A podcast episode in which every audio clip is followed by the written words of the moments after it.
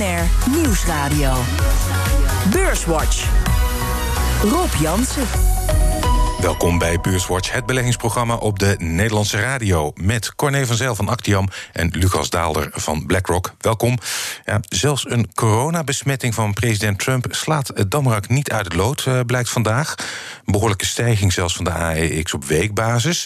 Wanneer krijgt de Amerikaanse verkiezingscampagne grip op de Nederlandse beurs, uh, Lucas? Wat denk je? Nou ja, in principe hebben ze dat eigenlijk al wel enigszins gehad. Hè. Dus er is natuurlijk wel wat onrust uh, als je kijkt naar, uh, naar de presidentsverkiezingen. Ik denk, een wat indirect antwoord, maar ik denk dat je ook via de, de, de, de euro-dollar koers, dat dat ook wel een impact heeft. Hè. Dus als, als euro-dollar nog wat verder uh, verzwakt, dus als de dollar nog wat verder verzwakt, dat kan ook nog wel eens een keertje een impact hebben. Hm. Maar ik ben eigenlijk zelf een meeste bang dat de, de grootste impact pas komt na de verkiezingen. Uh, Want de, zoals het er nu naar uitziet, lijkt de kans op een, een, een simpele uitslag uh, dit jaar toch wel wat anders dan alle voorgaande edities die we gehad hebben. Oké, okay, dus die klap komt nog. Denk jij dat ook, Corné? Ja, ik vind dat je je nog netjes uitdrukt, uh, Lucas. Maar op het moment dat uh, de huidige president zegt van ja, uh, de uitslag, als ik verlies, zal ik het niet accepteren. Ja, dat lijkt dus een beetje alsof hij aan zijn haren uit het Witte Huis getrokken moet worden. En dat zal een, een, waarschijnlijk een juridische strijd gaan worden. En daar zit niemand op te wachten. In 2000 hebben we dat natuurlijk ook gezien. Toen ging koersen met 8% naar beneden. Het was de week waarin ASML-topman Peter Wenning zich uitliet over thuiswerken in coronatijden. Hij leidt een van de grootste technologiebedrijven van Europa. En dat gaat wonderbaarlijk goed. Ja, als je mij negen maanden geleden dus had gevraagd van... Uh, kun je het bedrijf managen, 26.000 mensen... waarvan 22.000 mensen thuis zitten... dan had ik gezegd, ja, je out of your mind. Hè, want dat gaat dus niet lukken, maar dat gaat wel lukken. En het laatste banenrapport in de VS dat voor de verkiezingen uitkwam... was een tegenvaller. 661.000. That's just the number I have in front of me here. I don't see it on the BLS website right away here. Uh, private sector jobs, 877,000. So we're probably lost a lot of uh, the government jobs. There's an expectation. Maar waar beleggers ook niet blij van worden is de gezondheid van Trump. Very tough news for the president, the first lady, the president's family, and of course the nation itself here as the president is tested positive uh, for the coronavirus. The first lady as well. Ja, Trump vindt uh, COVID-19 eigenlijk uh, maar een griepje. Hij is inmiddels wel zelf positief getest en hij heeft ook milde klachten van uh, COVID, blijkt. Um, beleggers reageerden nou ja, in Europa afhankelijk ja, negatief, maar goed, dat is uh, weggeëpt. Wall staat nog wel in de min. Um, ja, gaat dit nog, zeg maar, de ziekte van Trump en de gevolgen die dat heeft voor de campagne, een rol blijven spelen op de beurs ook? Wat denk je, Corné? Nou, het betekent in ieder geval dat de kansen dat hij gaat winnen wat kleiner gaan worden. Hij zou uh, flink op campagne gaan de komende weken. Met name in een van de belangrijkste staten, Florida. Er stonden een aantal campagnes gepland. Dat gaat natuurlijk niet door. En het beschadigt wel een beetje zijn imago. En, maar er zit ook een andere kant aan het verhaal. Als hij hier heel snel uitkomt en zegt: Kijk eens hoe snel uh, zelfs ik hiervan herstel. Ik zei toch altijd dat het niks voorstelde. En kijk, mij het bewijs nu leveren. Ja, wat denk jij, Lucas? Nou ja, als je de, zeg maar, de berichtgeving rond uh, gelezen hebt, er zijn heel veel invalshoeken en heel veel uh, theorieën mogelijk op dit vlak. Ja. Uh, ik heb er zelf één gelezen dat het een bewuste keuze is en dat, dat Trump doet alsof om zo alle spotlight vooral de komende weken op hem te houden. Namelijk elk kuchje wat hij uit, uitbreekt, daar zal alle aandacht naar uitgaan. met als gevolg dat, dat Biden totaal niet meer in het nieuws is. Nou, dat lijkt mij natuurlijk zwaar over overdreven. Uh, ik ben het met uh, Corné eens dat dit zijn kansen niet beter maakt. Kijk, de, het zwakke punt van, van Trump, of de, de Achillespees is misschien wat, wat te sterk zijn, maar in ieder geval een van de zwakke punten is, is zijn beleid ten aanzien van corona. Het aantal doden wat het geval is in Amerika. Ja, als je zelf ziek bent, dan kan je dat moeilijk wegwuiven. Kijk, tot nu toe zat hij alsmaar law and order, uh, andere onderwerpen naar voren te schuiven. Ja, dat wordt moeilijk op het moment dat je zelf ziek thuis op de bank zit. Ja. en het, ja, dus dat, dat werkt ook in zijn nadeel. Ja, um, je zei, hè, zijn coronabeleid was niet al te best. En zijn kansen nemen af om, om te winnen. Dan is het misschien interessant om te kijken van goed, hoe was zijn economisch beleid? Stel dat hij straks wordt opgevolgd door een ander. Wat is de economische nalatenschap? Hoe beoordeel je die?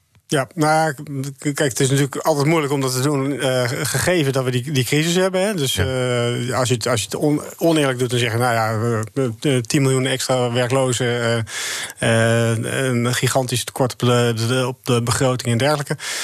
Als je voor die tijd de, de, de lat neerlegt, dus zeg maar, oké, wat, wat was nou eigenlijk zijn nalatenschapsstel, zeg maar, zes maanden geleden of acht maanden geleden, dan was er in ieder geval één belangrijke, een best goed draaiende economie, zeer laag werkloosheid. Maar uh, wel een zorgwekkende ontwikkeling van uh, de begrotingscijfers. dus uh, hij heeft het wel voor elkaar gekregen met ja, een, een, sterk oplopend tekort. En dat appeltje voor de dorst, wat, wat wij dan in Nederland hebben opgebouwd, dat, dat heeft hij duidelijk al van tevoren opgegeten. Hm. en vervolgens kwam die crisis eroverheen. Dus dat is uiteindelijk ook niet zo'n hele goede. Hm. Corné, wat is jouw eh, rapportcijfer? Nou, hij heeft geen rapportcijfer gegeven, maar nee, positief ik, of negatief? dat niet doen. Uh. En, en, en, inderdaad, die lat die leggen we dan even begin maart. Nee, maar als je de begat, dan ben ik het helemaal met Lucas eens. Echt, dat de, de, hij heeft het begrotingskort al laten oplopen voor uh, de crisis. En dat is, dat is als enige eigenlijk gelukt in tijden dat het economisch goed gaat... om dan toch het begrotingstekort te laten oplopen. Nou, logisch als je met dit soort belastingenverlagingen komt. Dat is natuurlijk wel goed voor het bedrijfsleven... en daarmee goed voor de beurs geweest. Maar dat zijn altijd maar tijdelijke effecten natuurlijk. Nee, dat hebben we eh, achter ons gehad. Een tweede punt wat denk ik wel heel belangrijk is... dat je eh, echt een schisma tussen in de, in de economie en de maatschappij ziet. Tussen eh, rijk en arm, tussen mensen die het goed hebben en die, die het slecht hebben. tussen democraten en, en republikeinen. En ja, of hij nou het product daarvan is of, of uh, juist een aanzetten daarvan, daar kan je nog over discussiëren. Maar dat is wel een van de nalatenschap. En dat zal heel veel tijd en moeite kosten om dat weer een beetje bij elkaar te brengen. Ja, als ik uh, economen lees over zeg maar de tweedeling, hè, de inequality daar, dat dat al een proces is wat al decennia gaande is. Ja, dat klopt. Maar uh, ik denk dat Corné ook heel duidelijk wijst op, op het verharden in die politieke ja. situatie. De, de Amerika was natuurlijk altijd al een, een politiek systeem met twee tegenpolen. Maar de toon en de manier waarop het gaat is natuurlijk de afgelopen vier jaar uh, nog een heel stuk scherper en ja, platter geworden, uh, zou je kunnen zeggen. Het is veel meer uh, zwart-wit en er zijn geen enkele grijstinten meer te vinden. En dat is wel, wil je regeren, dat betekent dus dat je altijd een meerderheid moet hebben, of nou, het liefst in de Senaat en in, in het Huis van Afgevaardigden en de president. Ja, heel vaak blijkt dat niet het geval te zijn. En dan zit je in een soort van padstelling. En dat, ja. dan is er niets, ja, een coalitievorming, daar wordt dan niet in, eh, in Amerika. En dat is wel een nadeel. Ja, inderdaad. En het gevolg daarvan, Corné, is dat er nog steeds geen steunmaatregelen uh, overeen zijn gekomen tussen Democraten en de Republikeinen. Um, en we zien tegelijkertijd dat de banencijfers heel slecht zijn. Althans, de, de, de, het herstel is aan het verzwakken. Dit zijn de slechtste cijfers sinds mei. Um, zou dat voorkomen kunnen? Had dat voorkomen kunnen worden als dat steunpakket er was geweest, denk je? Uh, nou, ik denk dat het vooral het gevolg is van het oplopen van het aantal nieuwe coronagevallen. Je ziet dat de Verenigde Staten afgelopen maanden sterk is opgelopen. Nu daalt het weer wat. Uh, en dat deze slechte werkgelegenheidscijfers vooral daar het bijproduct van zijn. Um, en dat steunpakket, ja, dat is wel heel hard nodig natuurlijk. En een heleboel mensen, aan met name aan de onderkant van de maatschappij... Ja, daarvan lopen de werkloosheidsuitkeringen nu af. En die zitten, komen nu echt wel in de problemen. En die potjes raken bij hun echt wel leeg. En daar was dit heel hard voor nodig. Ja, en als die geen geld meer hebben, gaan ze ook zeker niet besteden. Overigens vind ik het wel interessant dat we over een slecht baanrapport hebben... als er 660.000 mensen een, een, baan hebben gevonden in één maand. In, in, normale tijden zouden we zeggen van, nou, dit is ongekend goed. Ja. Uh, nou ja, maar dus in relatieve termen. Er was meer verwacht dan dit. En je ziet inderdaad nu het momentum er een beetje uitlopen. Als je zeg maar, op dit uh, banengroei rapportcijfer door blijft gaan... dan ben je nog 16 maanden bezig om terug te komen op het werkloosheid... of op, uh, op het banenniveau wat je had voordat de crisis kwam. En dat is natuurlijk... Dat is ook wel ergens dat de langdurige werkloosheid ook wel aan het oplopen Ja, zeker. Ja. dus nee, wordt, kijk, positief is het sowieso niet. Aan de andere kant, je kan het ook omdraaien. Als je puur kijkt naar de cijfers die we de afgelopen maanden hebben gezien... die, die waren eigenlijk alsmaar beter dan verwacht. Uh, detailhandelsverkopen echt wel sterker, consumentenvertrouwen sterker. Uh, huizen verkopen, de huizensector ligt er heel sterk bij. Hm. Uh, dus ja, je, je kan ook denken van uh, zo slecht is het ook. Er zit nog best wel wat veerkracht in. Ja, ja. Niet te veel somberen. Um, nog even een dingetje aanstippen waar er lijkt ruzie weer te ontstaan binnen de ECB over het te voeren beleid, melden enkele media. President Lagarde van de ECB wil de inflatiedoelstelling loslaten. Die mag wat hoger oplopen, die inflatie, en dan de rente niet meteen verhogen. Bovendien zou ze verdere stimulering van de economie willen door uitbreiding van opkoopprogramma's. Um, en ja, Corné, laat zich raden wie daarvoor is en wie daartegen. Noordelijke landen tegen, zuidelijke landen voor. Ja. Waar sta jij? Nou, ik, ik woon in een noordelijk land, dus... Uh... maar ja, je kan zeggen, nou ja, ik ben soli solidair, want dat wordt je, je woont in het zuiden in een noordelijk land. Ja. Dus, ja. Uh, je kan je solidair verklaren met, met de zuidelijke landen, Corné. Nee, ik um, sta wel wat voor een wat strenger beleid. maar ook goed, dat is mijn persoonlijke mening. Als je gaat kijken ik, op de manier waarop het gedaan is... er is weer een, een luchtballonnetje opgeworpen in de Financial Times... zoals het altijd gaat, en kijken hoe de markt erop reageert. Nou, de markt reageerde er niet op. Dus de ECB denkt, nou ja, dit kunnen we wel doorvoeren, want de markt is er niet op tegen. Uh, op zich heb ik een moeite met de manier van beleid voeren, maar het is heel duidelijk. Hè, de, de Fed heeft het gedaan uh, en dat lijkt de markt te accepteren. Dus de ECB denkt van, nou ja, dat, dan kunnen we dat perspectief ook wel bieden hier. Dat de inflatie uh, makkelijk op mag lopen. Overigens kwam de, op vrijdagochtend de inflatiecijfers van de eurozone naar buiten toe. En dan bleek dat, ja, over inflatie hoef je nog niet te praten. Sterker nog, de deflatie is toegenomen. Je bent van min 0,2 naar min 0,3 gegaan qua prijsstijging. Dus voorlopig is dat nog niet in zicht. Maar ze geven wel aan van ja. Uh, hoe het ook gebeurt, wij trappen voorlopig niet op de rem. En kunnen dus uh, doorgaan met dat QE en uh, het zelfs misschien wel uitbreiden. Ja, maar daar zit denk ik ook wel een beetje het pijnpunt. Die, die inflatie. Als je maar één doelstelling hebt, wat de ECB natuurlijk strikt genomen heeft, die inflatie rond of net onder de 2% te houden. Ja, als je dan ziet dat dat alleen maar naar beneden gaat en je weer in, in, in een deflatiescenario zit. En bovendien ook als je die core, dus de kerninflatie, ook nog eens een keertje echt vrij rap naar nul ziet lopen. Ja, dan snap ik ook dat je als centrale bank denkt: van, ja, maar dit gaat niet goed. Um, het punt is alleen, ja, hoe krijg je dan voor elkaar dat het wel goed gaat? Hm. En ik ben uh, van oudsher helemaal geen voorstander van dat eindeloos opkopen. Want uh, de, de directe stimulans daarvoor binnen de economie is wat mij betreft nog steeds niet aangetoond. Ja. Uh, ondanks alle research van de ECB, ondanks alle speeches die de ECB altijd houdt, van goh, kijk eens uh, hoe succesvol ze zijn geweest, uh, vind ik het nog steeds niet aangetoond dat dat echt nou heel erg effectief is geweest. Dus je zit, ik, ik snap de spanning en ik snap ook van je wil iets doen aan die inflatie. Maar ja, of je inderdaad door nu vaag over uh, of je inflatiedoelstelling wat loslaat, of daarmee inflatie ontstaat, dat, dat kan je heel sterk afvragen. Dat denk ik eigenlijk niet. Of het opkopen van obligaties hetzelfde. Ik zie niet hoe dat nou direct tot inflatie gaat leiden. Ja, want daar zouden ze ook weer voor voelen, begrijp ik, Lagarde. Ja. Het grappige is in de periode dat ze de, uh, daadwerkelijk met de opkopen zijn begonnen, is de rente nauwelijks gedaald. Het is vooral daarvoor en daarna gedaald en in plaats van ten tijde van de QE. U luistert naar Beurswatch met Corné van Zel van Actiam en Lucas Daalder van BlackRock. Voor we verder gaan, maken we even de balans op van de afgelopen week. De AEX sloot vandaag op 553,1 punten.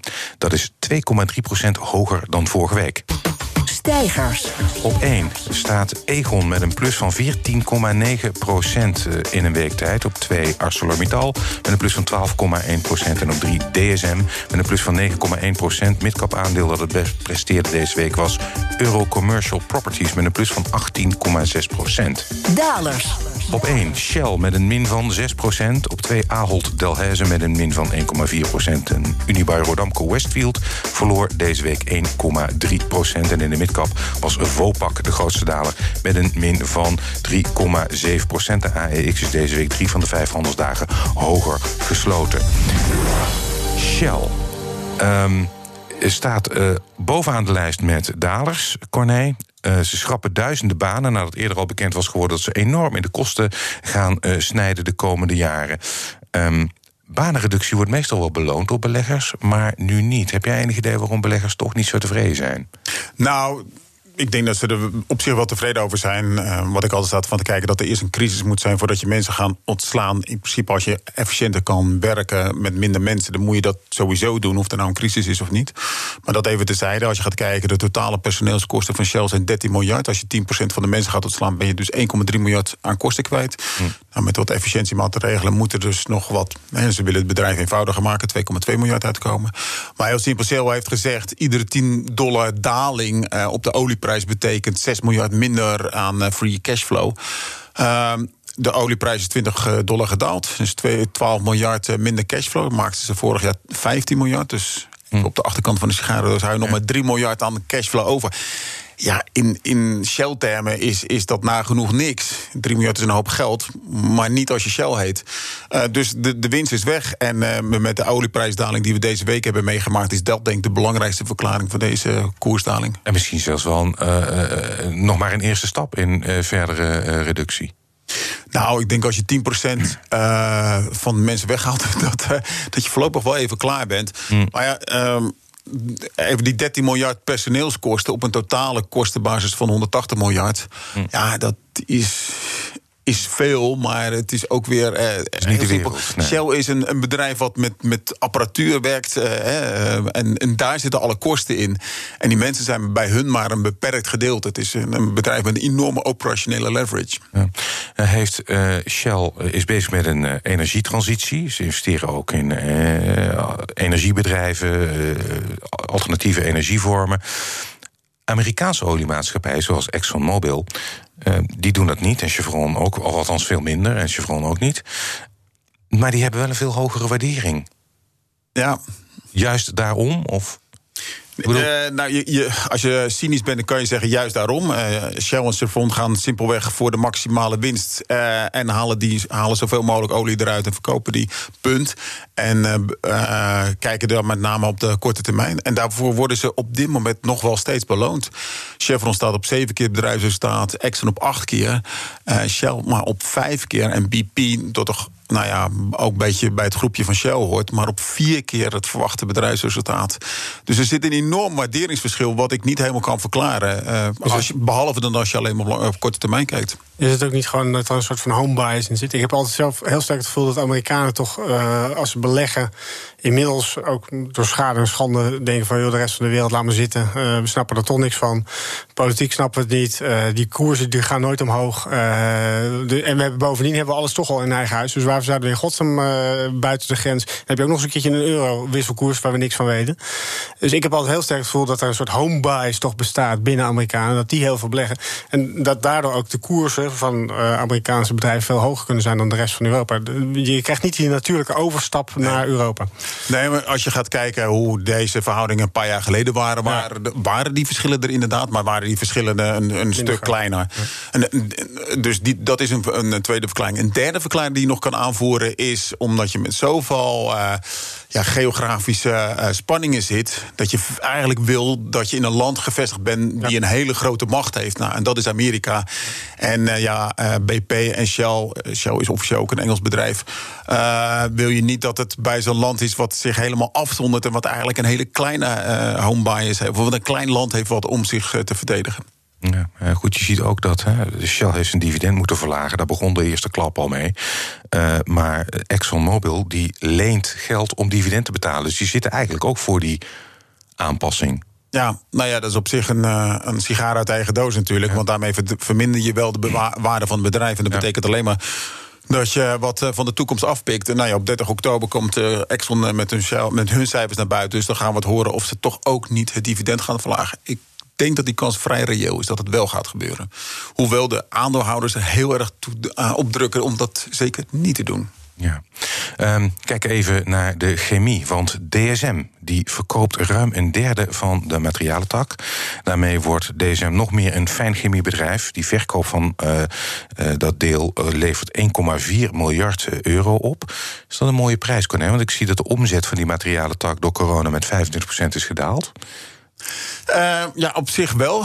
Uh, ze krijgen 12 keer het bedrijfsresultaat. Uh, bedenk dat DSM zelf op 18 keer het bedrijfsresultaat is. Dus, maar ja, ze worden daar wel een heel stuk minder cyclisch mee. Dus het, mm. het verbetert echt het risicoprofiel enorm.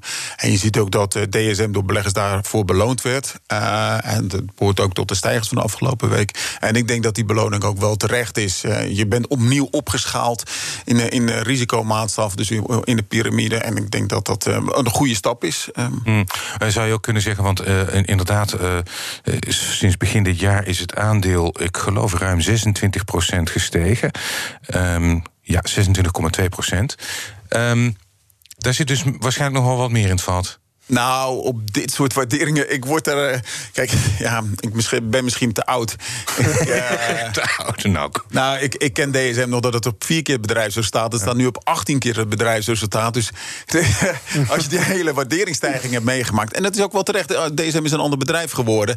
Maar met 18 keer het verwachte bedrijfsresultaat heb ik zoiets. Nou, weet je, ik vind het wel even genoeg gewaardeerd. eh, maar, maar, Maar als, het al, eh, eh, als, het als je het hebt over waarderingen. Ik, eh, hè, op één staat Adyen. Eh, op eh, drie staat eh, ASMI. ASML dit jaar 20. eh, het bedrijf- ASML is eh, 136 miljard euro waard inmiddels. Allemaal heel duur. Misschien nee, misschien is het gewoon een andere Het tijd. momentum is het, jongens. Gewoon momentum. Ja, inderdaad.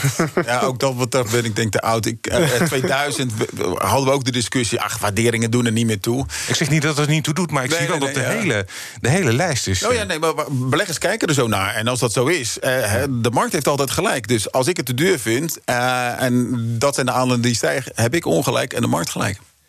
Ja, nou ja, ik vind dat Mark nooit gelijk heeft, maar dat is, dat is een klein verschil van inzicht. ja, Mark nooit gelijk. nee. Waar jullie wel gelijk in hebben, is. eh, ja, want dat kiezen jullie. Namelijk de tip voor de luisteraar. We zijn alweer aan het eind van de uitzending. Ja, het gaat heel erg snel, jongens.